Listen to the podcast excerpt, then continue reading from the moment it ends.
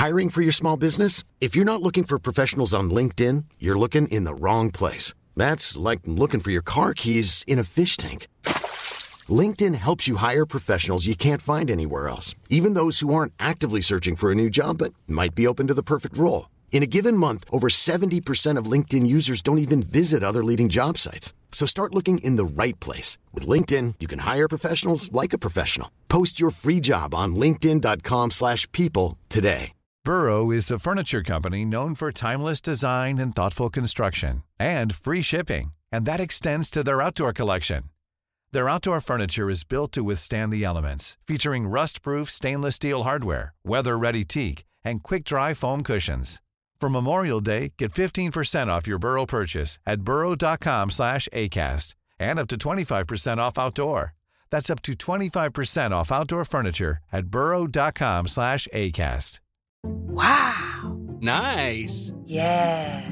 What you're hearing are the sounds of people everywhere putting on Bombas socks, underwear, and t-shirts made from absurdly soft materials that feel like plush clouds. Yeah, that plush. And the best part? For every item you purchase, Bombas donates another to someone facing homelessness. Bombas. Big comfort for everyone. Go to bombas.com slash ACAST and use code ACAST for 20% off your first purchase. That's bombas.com slash ACAST. Code ACAST.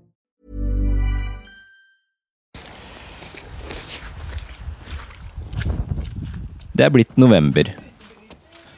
Og dette er lyden av at vi låser oss inn i det nye huset vårt i Askim for første gang. Huset ligger sentralt i byen, og i gangavstand til foreldrene mine og til søstera mi og hennes familie. Jeg heter Audun Mortensen, og du hører på Hjemflyttepodden. Dette er en podkast som handler om å flytte hjem, men også om å bli kjent med hjemplassen på nytt. For det er 15 år siden sist jeg bodde her, og derfor er det mye jeg lurer på. Og kanskje var jeg ikke nysgjerrig nok forrige gang jeg bodde her. Hva slags sted er Askim og Indre Østfold i dag? Og min kone, Victoria, er ikke herfra. Dette er ikke hennes hjemplass. Så hvordan vil hun trives? Vi har bodd sammen siden 2011. Og først bodde vi i San Francisco. Til sammen har vi bodd i fem forskjellige land og to forskjellige steder i Oslo, med ett års opphold i Skien. Før vi nå har kommet oss til Askim og tar våre første steg rundt i det nye huset vårt.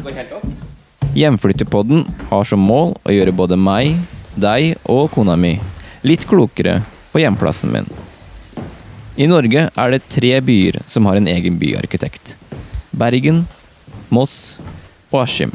Og i første episode av Hjemflyttepodden møter du Askims byarkitekt, Therese Øyjord Rustad. Og til slutt får du høre hva ukas innringer, forfatter Jan Kjærstad, mener er et godt sted å bo.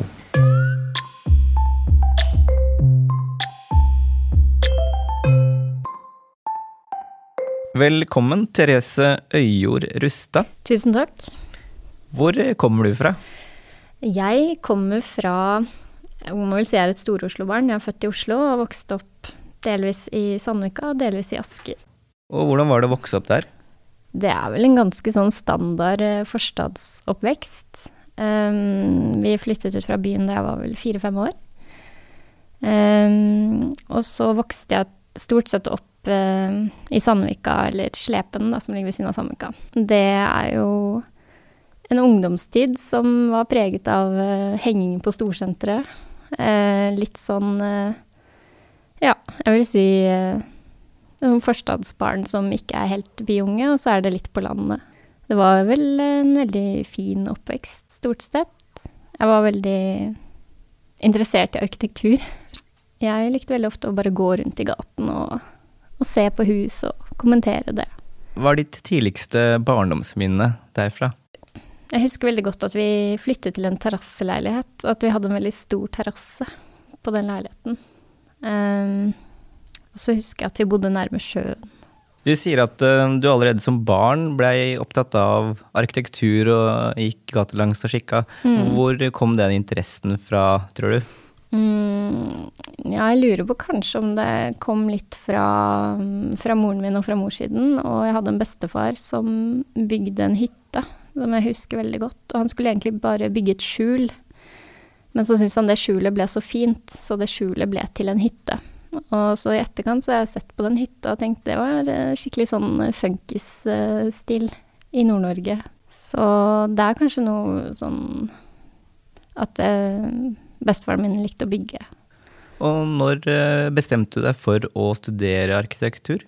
Jeg tror på en måte det var en drøm fra veldig tidlig. Jeg tror eh, jeg pleide å Det var sånn 12-13 år, så pleide jeg å bestille sånne huskataloger fra husprodusenter og sitte og se i dem. Så det var alltid en stor interesse, men jeg tror det var litt eh, tilbake til med å vokse opp i en forstad, da, hvor det er veldig sånn homogent miljø, hvor alle er veldig like. Så var det veldig sånn eh, forventet egentlig at man skulle typisk gå på BI eller studere medisin eller bli advokat. Da. Så det å si man ville bli arkitekt, selv om det var et veldig flott yrke, så var det liksom ikke helt helt eh, riktig vei, da. Så det tok meg et par år før jeg turte å, å søke på arkitektstudiet. Ja, hva slags eh, ambisjoner var det de hjemme tenkte på, da? Um, nei, de, de støttet meg veldig, men eh, de var nok litt Fordi de ikke hadde noe utdannelse selv, så var de veldig opptatt av at man skulle ha en veldig solid utdannelse. Og da tror jeg kanskje arkitektur var litt kreativt. Så den uh, Ja. Det var vel mer sånn uh, standard at ja, økonomi er trygt, og man burde få en sånn type utdannelse, kanskje. Og i 2018 så ble du Askims første byarkitekt. Mm. Kan du fortelle meg om ditt første møte med Askim? Mm. Jeg så jo da på Finn eller på Arkitektnytt at Askim søkte etter en byarkitekt. Da tenkte jeg bare oi, Askim vil ha en byarkitekt. Det var veldig spennende, og spesielt det er jo ikke mange byarkitektstillinger i landet. Så um, mitt første inntrykk av Askim var jo gjennom den, den jobben. Um, og da jeg kom hit, så ble jeg veldig overrasket først, fordi jeg så at dette var en by med kvartalsbebyggelse. Um, en veldig urban struktur. Og det var litt overraskende for meg som kommer fra Akershus, og de stedene der som har eh, mye mer forstadspreg. Der er det gjerne et kjøpesenter i midten, og så er det eh, småhus rundt. Litt sånn spredt bebyggelse. Så jeg ble veldig overrasket da jeg kom hit og så at det faktisk var en gammel eh, bystruktur her, da. En kvartalsbebyggelse. Hva er forskjellen på arkitekt og byarkitekt? Ja, det er et godt spørsmål. Det var noe sånn at før i tiden, eller på 60-tallet, så hadde man en del byarkitektstillinger. Og det betyr på et vis at man er eh, ansatt i forvaltningen, eh, men at man har en rådgivende og utøvende rolle. Et av mitt store forbilder innenfor arkitekturen er jo Magnus Paulsson, som var bygde, eller planla Oslo rådhus sammen med Arnstein Arneberg. Og han var jo da byarkitekt i Sandvika på 60-tallet. Eh, og han la til grunn f.eks. en visjon for Sandvika, som da var den hvite byen ved fjorden og lagde noen bygg som bygget opp under den visjonen. Så en byarkitekt og en arkitekt er jo samme fagperson, men det er uh, forskjellige utøvelsesområder.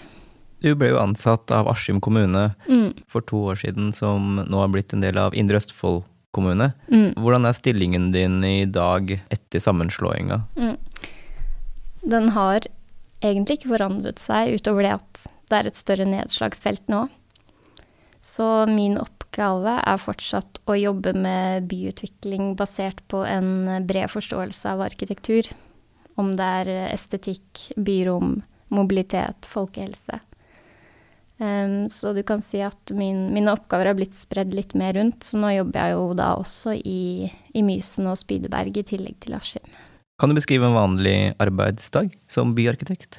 Det er jo veldig variert. Um, det har vært uh, Det er jo en helt ny stilling. Som, vi, som, jeg sa, så er det jo bare Bergen og Moss som også har en byarkitektstilling. Så du kan se det har vært en liten sånn utvikling på uh, stillingen. Uh, først så fikk jeg en veldig klar politisk bestilling om å lage en estetisk veileder.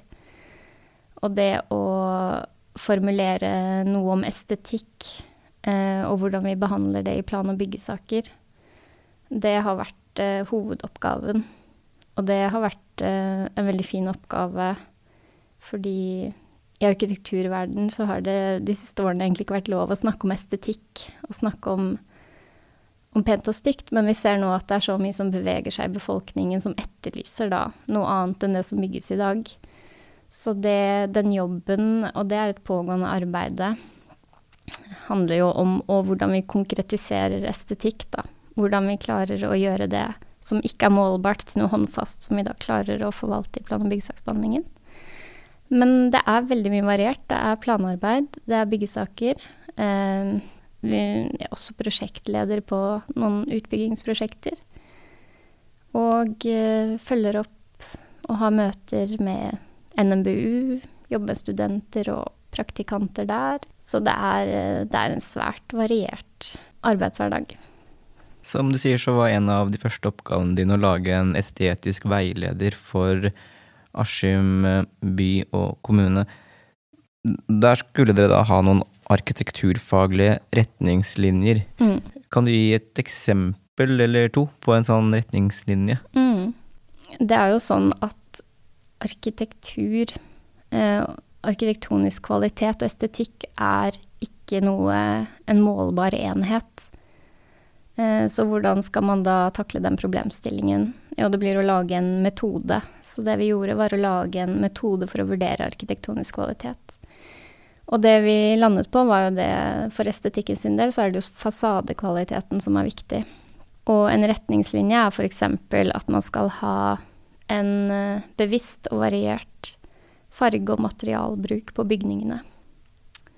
Så vi spesifiserer ikke hva de prosjekterende skal bruke, men de må redegjøre for at de har vurdert hvordan de kan lage eh, et fasadeuttrykk, og hvordan material- og fargebruken eh, gir en estetisk kvalitet til bygningen. La oss eh, ta et eh, konkret eksempel. Mm. I, i gågata Askim, Mm, det som kalles Halsgården, Storgata 9 er vel adressa. mm. Hva er det som egentlig foregår der nå? Ja, det var jo en pågående sak eh, da jeg kom inn, så den eh, hadde jo vært eh, Var vel oppe til politisk behandling akkurat da.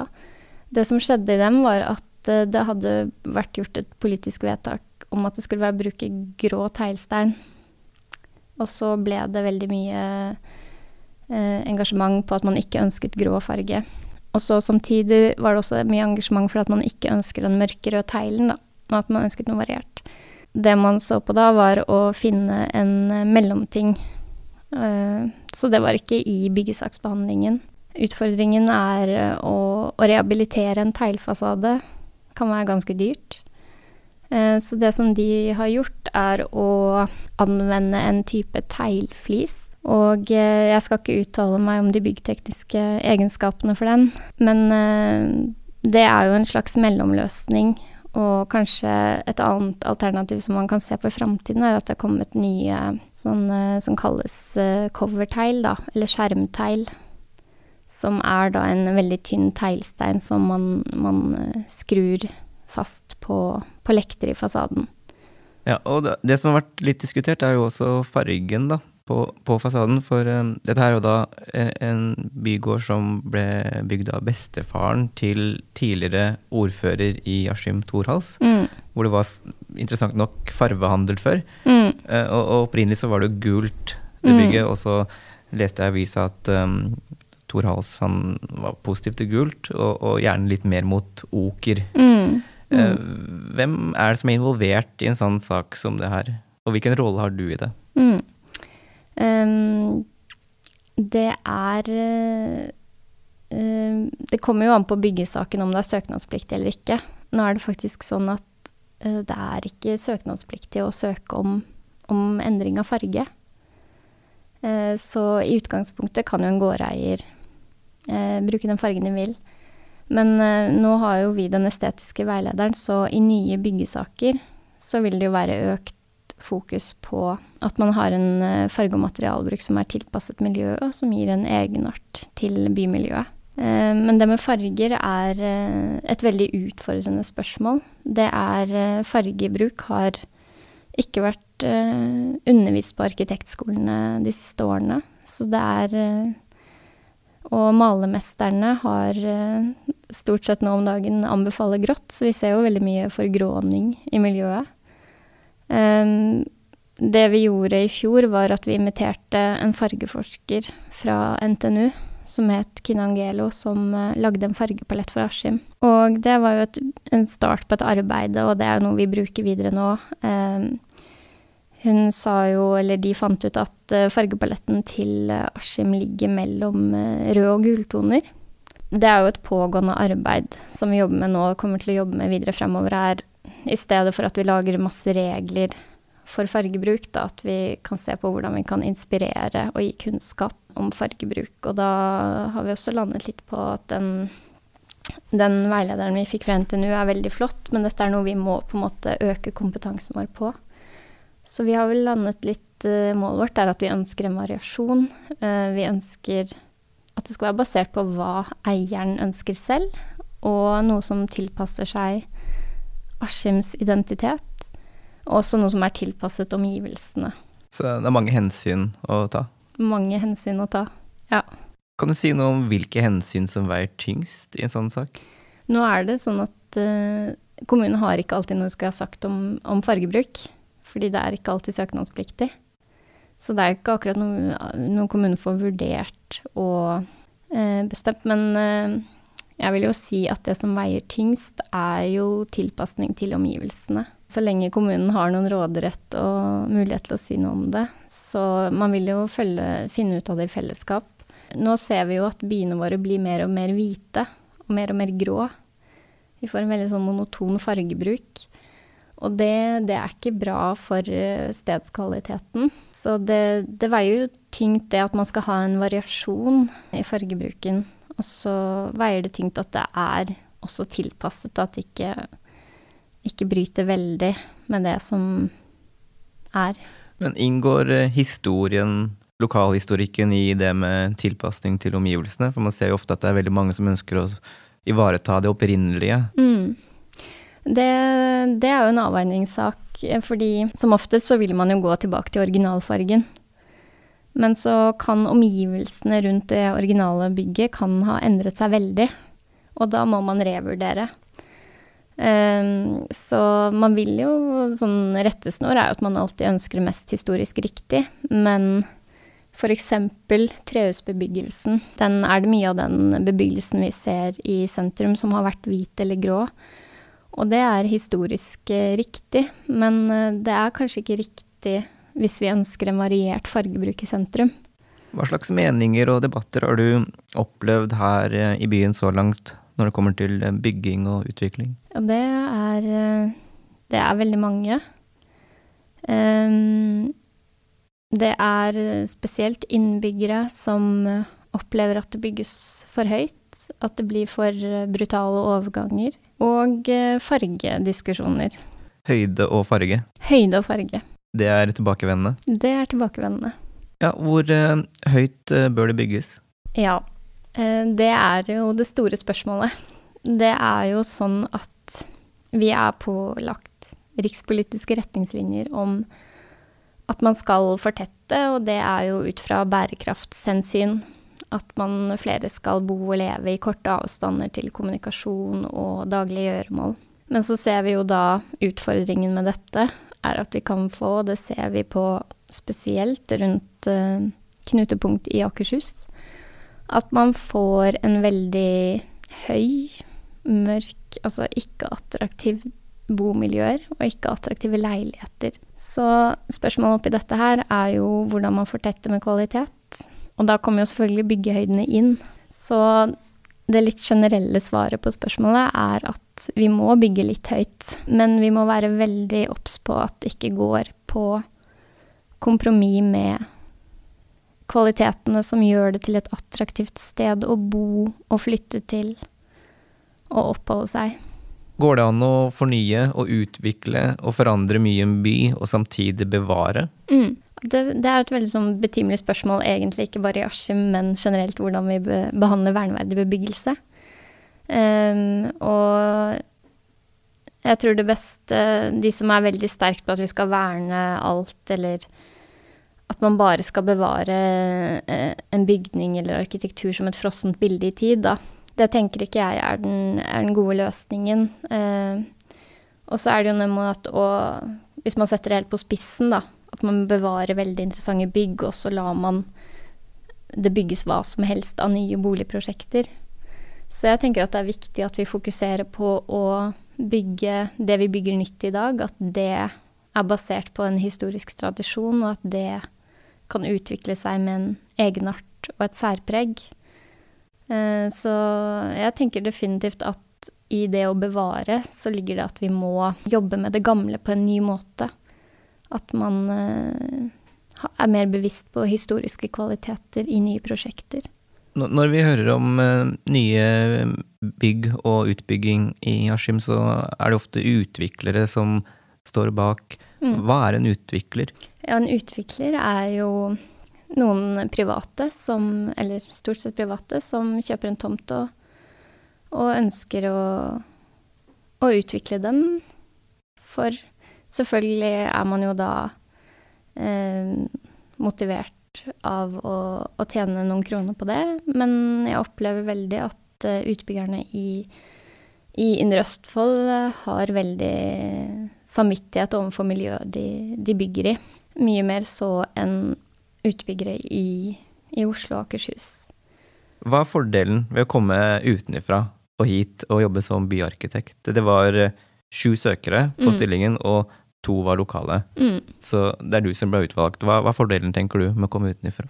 Ja, altså fordelen ved å Det kan jo være fordeler ved å komme herfra også, at man, man kjenner stedet på en annen måte. Eh, fordelen med å komme utenfra er at man, eh, man har kanskje ikke de forutinntatte meningene. Eh, og man, eh, man ser jo alt med nye øyne. Og eh, man ser det kanskje mye Man kan se det tydeligere, da, når det er en, en ny situasjon enn når det er noe man er, er vant til å se. Hva, hva er det du trenger å vite om eh, byen du er eh, byarkitekt for?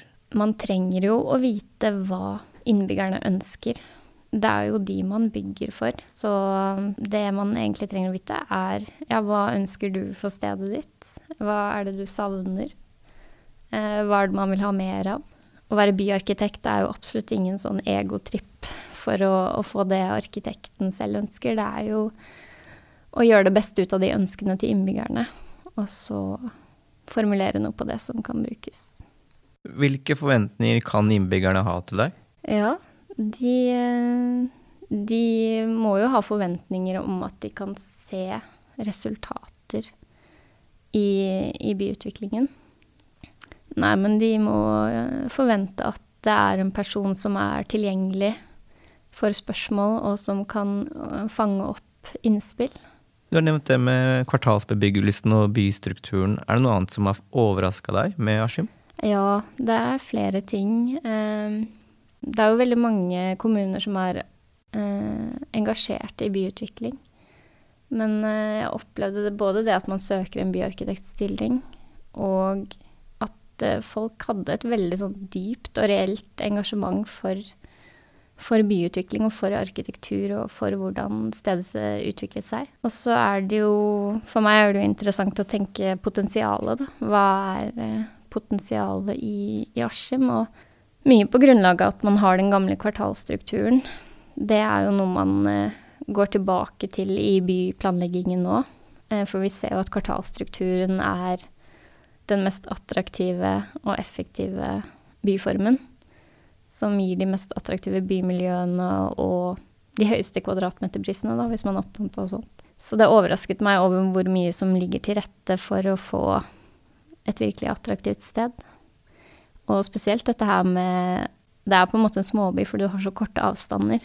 Så du kan leve veldig godt innenfor Askim med tanke på at det er kort avstand til eh, Fra hjem til skole til eh, Ja til eh, dagligvarebutikk. Så du får mye frigjort tid i hverdagen.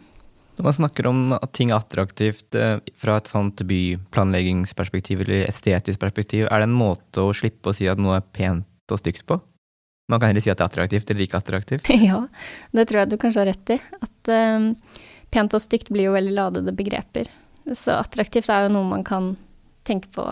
Det er i, inn, I det begrepet ligger jo at det er pent og mm. Da må du fortelle meg, hvorfor er det attraktivt med sjø, f.eks.? Mm. Eh, det er jo noe vi på fagspråket kanskje kaller herlighetsverdier. Og vi ser jo at eh, det er Altså hvorfor det er attraktivt med sjø, det er jo både det at man har eh, Man får en sånn herlighetsverdi.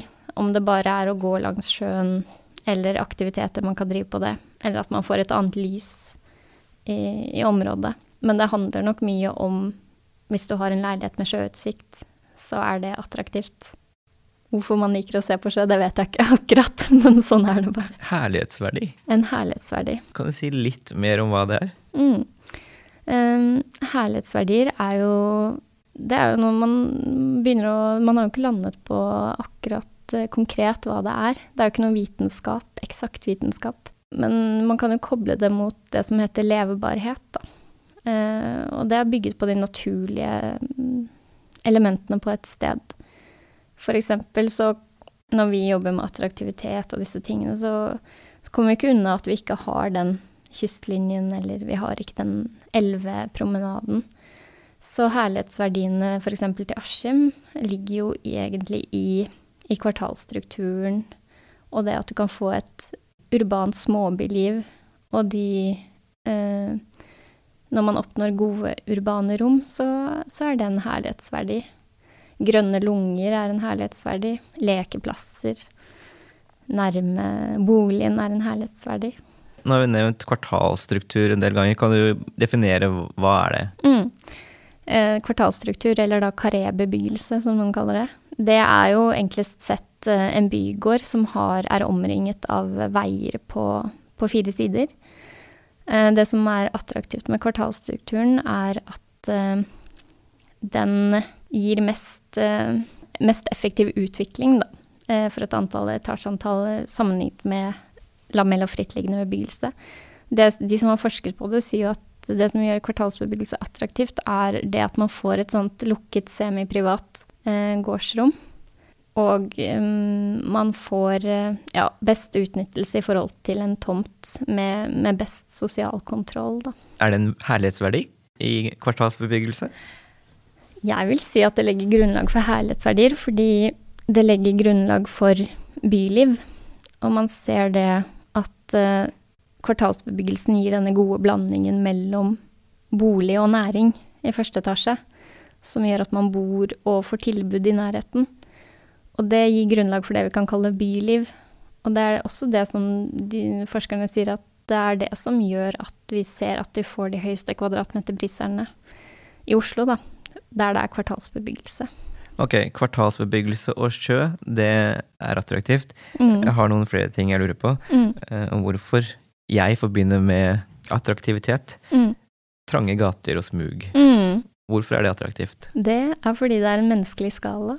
Det er eh, tilpasset uh, mennesket, og ikke bilen. Så det er det begrepet med å ha en menneskelig skala og en intimitet. Og så er det jo selvfølgelig det at det er en menneskelig skala, er jo det at uh, bilene får jo ikke plass der, da. Så da er det et sted bare for å gå ned som er trafikksikkert, uten støy. Og det kan jo også være en sånn opplevelsesrikdom i det.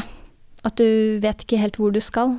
Du er på vei rundt et hjørne, og så blir du dratt. Så det er en sånn eh, Du vet ikke helt hva som kommer, da. Så de, de Askim som ønsker seg trange gater, de er egentlig litt sånn skap-MDG-ere? Eh, det er én måte å si det på. Eh, jeg tror det er mer handler om litt om kvalitet og snarveier. Og det er ikke enten-eller, bil eller ikke, da. Det er mer om å ha litt sånn snarveier og smett og smug som gir effektiv flyt i, i byen. Brostein, Mm. hvorfor er det attraktivt? Ja, hvorfor er brostein attraktivt? Um, det er jo fordi det er et kvalitetsmateriale. Det er jo et naturmateriale, naturstein, eh, som har en egen tekstur, en variasjon i overflaten. Og det at det er masse små biter, gir også at det er, eh, du får en tekstur, og du får en veldig et levende, eh, en levende flate. Mye mer enn hvis du har asfalt. Og herlighetsfølelse? Ja, det, det er absolutt eh, Altså kvaliteten på materialene. Eh, I stor nok grad, når du har et langt nok strekk eller langt nok løp, så vil jeg si at det er en herlighetsverdi at du har kvalitetsmessig byrom, da. En siste ting på min liste Mm. over attraktive elementer i en by. Trehus. Mm. Hvorfor opplever mange det som attraktivt? Eh, Det er nok to ting. Det ene er nok fordi de ikke er så høye. Eh, og det andre er jo at tre er et veldig lett, eller det gir en lett eh, fasade. eh, og en varm fasade. Et varmt inntrykk. Du har studert eh, i to veldig attraktive byer. Mm. Kjente turistmål begge to, Bergen og, og New York. Mm. Hva syns du er attraktivt med de byene? Jeg må vel si om Bergen at det har en veldig, et veldig særpreg og egenart. Og selvfølgelig at det er en småbyskala. Og i New York er det jo metropolfølelsen. At det er eh, utrolig mange tilbud. Eh, samtidig så er jo New York er jo by nummer én på kvartalstruktur. Men jeg mener også New York er veldig vellykket attraktiv fordi de har disse veldig gode grønne lungene innimellom. I Bergen så studerte du på Arkitekthøgskolen, og så gikk du på Cooper Union i New York. Hva lærte du der? Altså det, de to skolene er radikalt forskjellige.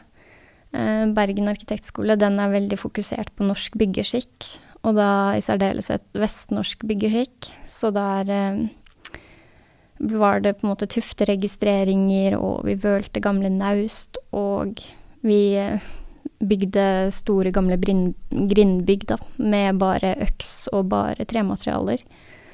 Men det er også, Bergen er også en veldig sånn samfunnsengasjert skole, hvor man utdanner arkitekten til å være veldig opptatt av samfunnet og møteplasser, og ikke så fokusert på enkeltstående hus. Eh, og i New York, der eh, er det en veldig klassisk tegneskole, Cooper Union, og der er det litt mer sånn man lærer å bygge skyskrapere. Det var jo veldig, veldig variert, hvor vi både hadde ingeniørfag og kunstfag. Og den skolen ligger jo midt på Manhattan og har et sånt gammelt verksted med maskiner fra andre verdenskrig. Og det er en veldig sånn fin stemning midt i mest kapitalistiske Manhattan. Hvis du skulle plukka ut ett element fra de byene Mm, og putta inn i Askim, mm. hva skulle det vært? Oi. Fra New York ville jeg jo puttet inn loftsleilighetene. Høyt under taket, store vinduer. Og det er det jo i Askim fra før av, med gamle Vikingfabrikken. Og det gir jo en veldig kvalitet. Og fra Bergen Det er i hvert fall ikke været, men eh, da må vi kanskje, siden vi snakket om det, liksom de smugene og smettene og den menneskelige skalaen. Når jeg kommer til et nytt sted, så tenker jeg jo oftest i de kategoriene vi snakka om, som er de estetiske, om det er pent, stygt, Mm. fint, sjarmerende. Mm. Jeg tenker jo, ikke, tenker jo ikke om det her er et attraktivt sted. Mm. Um, hva er det første du legger merke til når du ankommer et sted? Ja, det første jeg tenker ofte på, er jo ankomsten til stedet. Det føler jeg veldig ofte har mye å si for, for eh, opplevelsen av stedet. Det er jo selvfølgelig bygningsmassen og det estetiske uttrykket. Og om det er kvaliteter der, eller om det mangler kvaliteter. Jeg har et spørsmål fra faren min. Mm. Han lurer på hvorfor det bygges så mange Duplo-hus. Ja. Er det sånn kassehus, altså firkantede klosser? Ja, jeg tror det er det han mener. Ja, i småhusene, eller i, også i store, i sentrum. Jeg tror det er begge deler. Begge deler. Det er jo et veldig stort eh, og godt spørsmål. Hvorfor bygges det Duplo-kasser? Um, det er jo Det er på en måte et spørsmål om en stor faglig diskusjon eh, som Det er vel på grunn av modernismen, da. At man eh, At vi bygger på en måte i en slags postmodernisme. Eh, det var jo da disse, kall det kassene, kom. Med flate tak, med langsgående vindusbånd med veldig enkel geometrisk utforming. Ikke noe pynt, ikke noe krimskrams, som vi kjenner fra før modernismen, eller på gamle bygårder i Oslo, eller på gamle trehus. Og så har det jo bare blitt en veldig sånn effektivisering av byggeprosesser. Det kommer jo mye av modernismen. Du kan si modernistene som hadde denne visjonen om bomaskinen, at man skulle bygge eh, disse bomaskinene, og så skulle man fraktes på en supereffektiv autoban til byen der du jobbet. Og det var jo de som kom med drabantbyene. Og det var jo en naturlig reaksjon da på at mange hadde veldig dårlige boforhold i byene, lite luft og lys og dårlige sanitære forhold. Men nå lever vi nok litt i en sånn etterdønning av modernismen, hvor eh, dette e- veldig enkle formspråket med flate tak har tatt plass. Nå er faren min av typen som er veldig glad i sveitserhus. Mm. Hvorfor bygges ikke det? Det er jo også på grunn av eh, den modernistiske tankegangen, da. At man ble veldig eh, mot at det skulle være pynt og overfladiske elementer i fasaden. Og så er det jo rett og slett det at eh, man blir jo ikke utdannet i å tegne sveitserhus lenger. Hvorfor ikke? Nei, det Det er vel ikke det som arkitektstanden har sett på som noe man skal gjøre. Eh, det er nok noen sånn modernistiske dogmer. Eh, mitt syn på det er jo litt at tradisjonsarkitekturen har mye å tilby, eh, og befolkningen Det er jo noe som appellerer til befolkningen. Og det gjøres jo mer og mer forskning nå på å prøve å måle hva er det som er i den gamle arkitekturen som vi oppfatter som attraktivt. Og da er det jo på en måte artikuleringer av fasade, aktiv fargebruk, eh, ja, en viss ornamentering. Eh, så det er noe i den tradisjonelle arkitekturen som burde bli tatt litt mer seriøst. En uh, vesentlig del av oppgaven din er jo å jobbe med stedsidentitet. Mm. Hva skaper identitet og særpreg for et sted? Eh, identitet igjen er jo et sånt ikke målbar enhet. Um, den største faktoren i å skape identitet i bygningsmassen er farge- og materialbruk. Det har tradisjonelt vært det som har vært styrende f.eks. langs Glomma. Så har man jo tilgang på leire, så derfor har man bygd mye i tegl og i rød tegl. F.eks. i Paris man, hadde man tilgang til denne beige steinen. Eh, kalkstein, var det vel. Eh, og, og den, det at man bruker det helhetlig i flere elementer, men kanskje med en viss, viss variasjon, skaper en identitet. Eller som man kjenner kanskje fra disse turistbyene i Hellas som er helt hvite, så ser vi jo at den enhet, enheten i å ha samme materialbruk, samme fargebruk, det skaper stedsidentitet. Og så kan også eh, i areal arealene eller bygningsmassen kan jo også være vindusutformingen, kan jo også eh, gi mye identitet. F.eks. i Askim så har man på Vikembygget disse store, gamle fabrikkvinduene. Så det å ha en, en, særpreget vindusutforming som ikke er helt standardisert, det kan også gi identitet.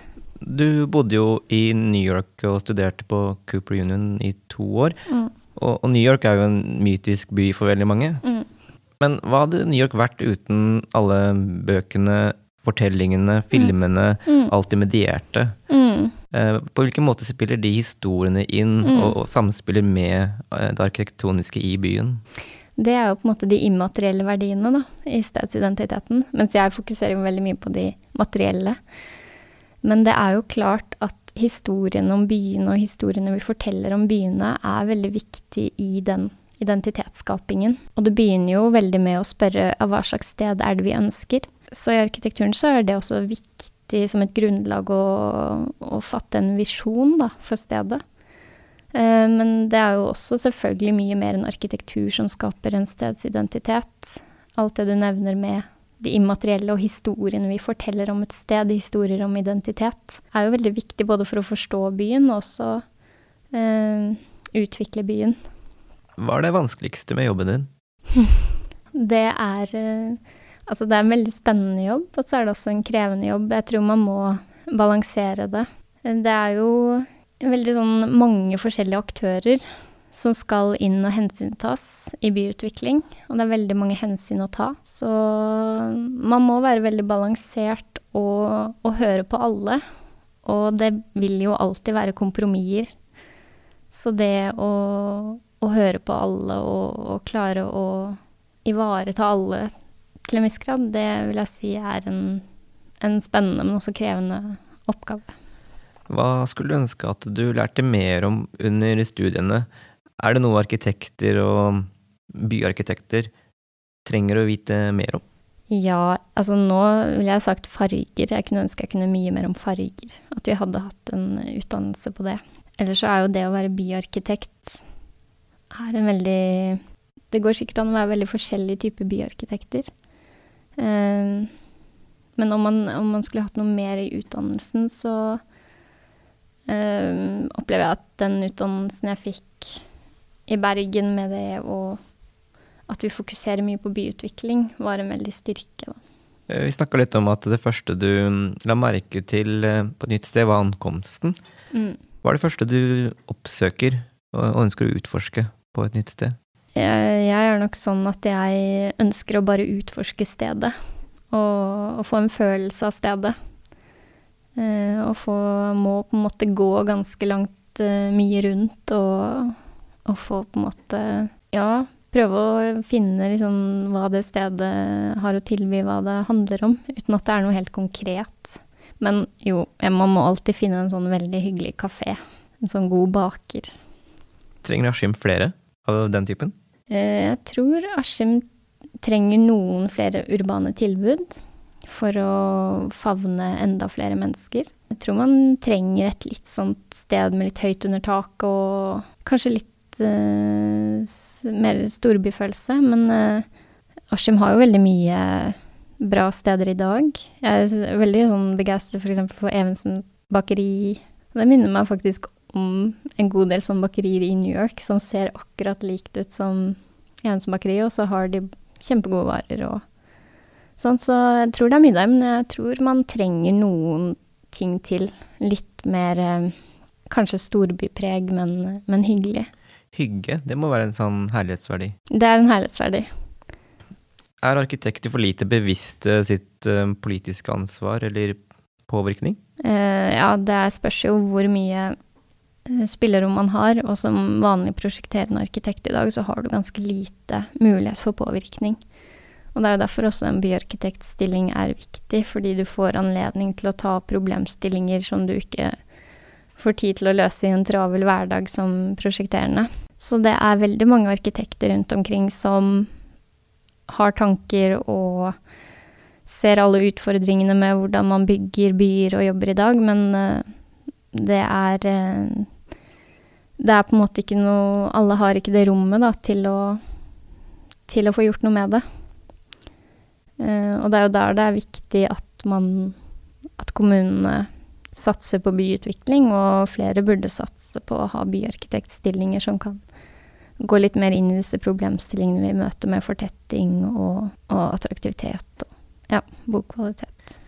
Hvordan ser ditt eget eh, drømmehus ut? Eh, det, det, er i hvert fall høyt under taket. Eh, og så er det Må være en liten hage, men ikke for stor. Det er jo som kjent veldig vanskelig å spå, spesielt mm. om framtida. Mm. Men hvordan ser Askim ut om 20 år? om 20 år. Og nå er det jo så mye merkelige tider om gangen, så nå er det veldig farlig å spå. Men jeg Om 20 år tror jeg Askim uh, har hatt en ansvarlig arealpolitikk og har uh, bygget ut attraktivt bygningsmasse. Det velger jeg å tro. Så det er et urbant sentrum og med uh, attraktive leilighetsbygg og en variert befolkningssammensetning, forhåpentligvis. Nå har vi sagt attraktivitet og attraktive ting så mange mm. ganger. Jeg må spørre, hva, hva, eller hvem bestemmer til enhver tid hva som utgjør det attraktive? I kommunen tenker du på, eller generelt? Mer generelt, altså hvor kommer de ideene fra, ja. trendene som gjør at uh, nå er det attraktivt i, ja. i et uh, byrom og mm. på en fasade, og, og, nå er det noe annet som gjelder? Mm. Altså, attraktivitetsbegrepet det bruker nok vi mye fordi på grunn av det er veldig hva skal jeg si, kjedelig svar på det. Det er en forskningsinstitusjon som heter Telemarksforskning. Og det handler om hvordan man kan eh, gjøre et sted godt og, og attraktivt. Men det er det jo ingen som egentlig bestemmer. Det er, eh, det er opp til kommunene selv hva, de, hva vi legger i det begrepet. Men eh, det er jo hva som er trendy, og hva som oppfattes estetisk. Det er jo eh, de toneangivende aktørene da, innenfor arkitektur som, eh, som legger kanskje premissene for, for hva som er hva de mener er attraktivt, i hvert fall. Det betyr ikke at de løsningene tenker jeg er riktig for, for Askim eller Indre Østfold. Jeg tror kanskje det som har vært litt feilen i stedsutvikling eller byplanlegging i mange år, er denne mangelen på å ivareta lokal identitet og egenart og stedskarakter. Vi ser den nye trenden nå, eller den pågående trenden, er jo Kanskje at man bruker veldig mye penger på viktige kulturinstitusjoner og symbolbygg, mens eh, boligbyggingen og leilighetene som folk bor i stort sett hele tiden og tilbringer all tiden sin i, de går litt for lut og kaldt vann. Så dette med et fokus tilbake på leilighetsbyggeriet, og fokus tilbake på lokal identitet og, og særpreg, det, det er noe man må begynne å svare på. Det med symbolbygg og signalbygg, kan du gi et eksempel på det, og hva, hvor kommer det fra? Hvor kommer det ønsket om å ha det fra? Um, det er jo sånne store strømninger. Um, eksempel det beste, mest brukte symbolet på et symbolbygg er eksempel Bilbao-museet i Bilbao. Og det oppsto jo i en økonomi hvor man faktisk så det at man bygget et symbolbygg, og så genererte det veldig mye økonomisk virksomhet. Så drømmen er jo, når man gjør det, at det skal uh, gi et sånt oppsving i turisme og besøk og bli bra for næringslivet. Men det, det er jo få eksempler hvor det Men vi ser jo også det i Operaen i Oslo, hva det har gjort og generert for det området, så det har jo definitivt en verdi.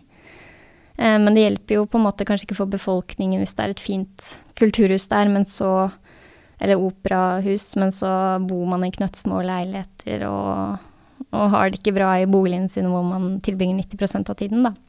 Så det er liksom vanskelig, fordi det kan gi positive økonomiske konsekvenser. Men jeg mener det ikke er helt riktig å bruke all energien, og at det er den arkitekturen vi feirer, da. Når det er på en måte boligarkitekturen som er viktigst for, for folk flest. Hva er et godt sted å bo? Eh, som byarkitekt så vil jeg si at et godt sted å bo er der hvor du har en god bolig med, med nok plass og, og, nok dagslys, og at du har en grønn lunge i nærheten. Og at når du ser ut vinduet ditt, at det er et eh, grønt utsyn, eller at det er et utsyn til en pen fasadevegg. Og at du har tilbud i nærheten, eh, og bor i gangavstand til ting. Og det, ja. Det er når man bor i by, og det er som byarkitekt, og så kan jo et godt sted å være bo det det er jo veldig mange, og meg selv også, liker jo landlige verdier og ha litt plass og rom. Men jeg tror eh, en kombinasjon det av å ha en god bolig og det å bo i nærheten av urbane tilbud, det tror jeg er et godt sted å bo. Therese Øyjord Rustad, tusen takk for praten. Tusen takk.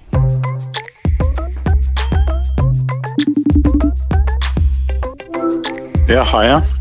Jeg heter Jan Kjærstad. Jeg er eh, forfatter, og jeg bor nå på Holtet på Nordstrand i Oslo. Eh, jeg kommer fra Grorud. Det er alltid det jeg sier, jeg kommer fra Grorud. Men eh, det er jo et ganske omfattende sted. I ettertid så har jeg tenkt at Grorud det er alt nord for Sinsenkrysset. Oppover.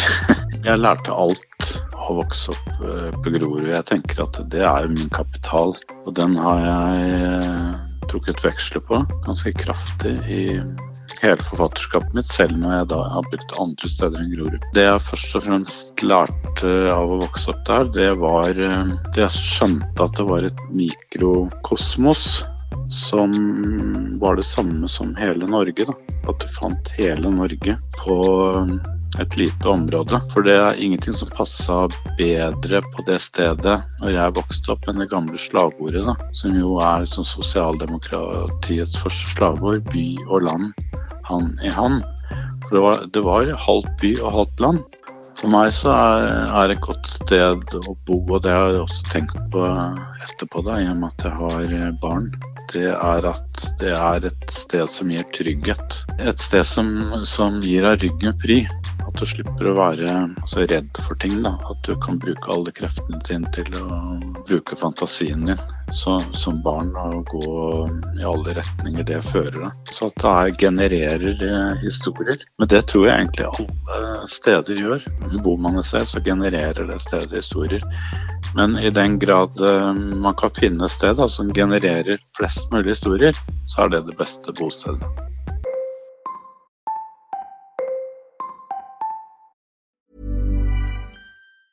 Normally, being a little extra can be a bit much, but when it comes to healthcare, it pays to be extra. And United Healthcare makes it easy with Health Protector Guard fixed indemnity insurance plans. Underwritten by Golden Rule Insurance Company, they supplement your primary plan, helping you manage out of pocket costs without the usual requirements and restrictions like deductibles and enrollment periods. So when it comes to covering your medical bills, you can feel good about being a little extra. Visit uh1.com to find the Health Protector Guard plan for you. Hi, I'm Daniel, founder of Pretty Litter. Cats and cat owners deserve better than any old fashioned litter. That's why I teamed up with scientists and veterinarians to create Pretty Litter. Its innovative crystal formula has superior odor control and weighs up to 80% less than clay litter. Pretty Litter even monitors health by changing colors to help detect early signs of potential illness. It's the world's smartest kitty litter. Go to prettylitter.com and use code ACAST for 20% off your first order and a free cat toy. Terms and conditions apply. See site for details. Planning for your next trip? Elevate your travel style with Quince. Quince has all the jet setting essentials you'll want for your next getaway, like European linen, premium luggage options, buttery soft Italian leather bags, and so much more. And is all priced at 50 to 80% less than similar brands. Plus, Quince only works with factories that use safe and ethical manufacturing practices. Pack your bags with high-quality essentials you'll be wearing for vacations to come with Quince. Go to quince.com slash pack for free shipping and 365-day returns.